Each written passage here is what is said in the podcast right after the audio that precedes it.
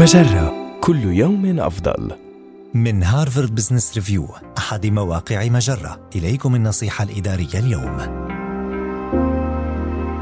دمج التعلم والتطوير في مسار عمل موظفيك بصفتك مديرا. تتمثل إحدى أكبر مسؤولياتك في تعزيز تعلم موظفيك وتطويرهم فما هي أفضل طريقة للقيام بذلك؟ اجعل النمو جزءا من حياتهم العملية.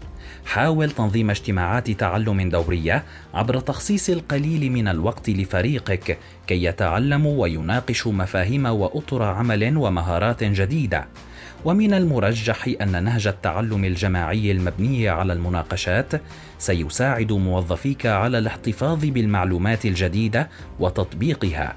ثم استخدم المنبهات التحفيزية الصغيرة مثل الرسائل الإلكترونية القصيرة والتذكيرات اليومية على برنامج سلاك لتعزيز محتوى اجتماعات التعلم. يمكن لهذه الرسائل أن تشجع الأشخاص على استخدام ما تعلموه في المواقف الحياتية. وأخيرا، قم بقياس التقدم المحرز، وهذا يعني إجراء تقييمات لفهم تجارب التعلم لدى موظفيك.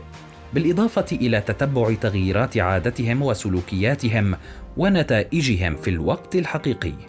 هذه النصيحة من مقال دمج التعلم في مسار عمل موظفيك. النصيحة الإدارية تأتيكم من هارفارد بزنس ريفيو أحد مواقع مجرة. مصدرك الأول لأفضل محتوى عربي على الإنترنت. مجرة كل يوم أفضل.